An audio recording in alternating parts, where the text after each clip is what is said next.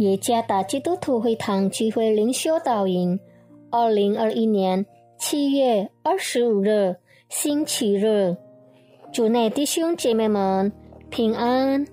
今天的灵修导引，我们会借着圣经马太福音第十章第十六节来思想今天的主题：成为基督的使者。作者吴恒仁，音乐老师。马太福音第十章第十六节：我猜你们去，如同羊进入狼群，所以你们要灵巧像蛇，驯良像鸽子。我们是否曾经透过线上快递服务订过食物？快递员会收到一条他愿或不愿意接受。持订单的通知，他若拒绝客户的要求，肯定会降低他在线上服务公司中的信誉评价。但是如果他接受了，他必须预备好将订购物妥当的交付给客户。同样的，如果我们要成为基督的门徒，我们必须预备好为基督的呼召承担起我们的责任。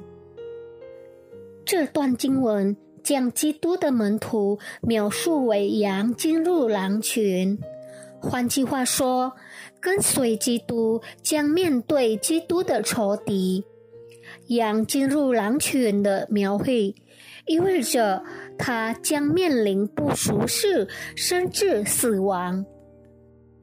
基督的门徒确实可以选择要或不要执行他对上帝的责任，然而我们拒绝基督的呼召，使我们无法见证上帝。基督神的羔羊。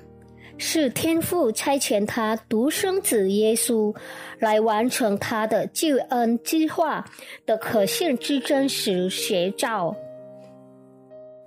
基督顺服而忠心的做到了最后。基督因我们的罪，不但面临不舒适、痛苦、虐待和屈辱，甚至死亡。因此。成为基督的门徒，不仅限于头脑知识，而是成为一种真实的经历。如果我们自称是基督的门徒，却拒绝神的呼召，我们怎么能见证基督呢？如果我们自己都不能成为像基督那样的门徒，我们如何能使人成为门徒呢？像基督那么的顺服天父，预备好被差遣去传扬上帝的真理和荣耀。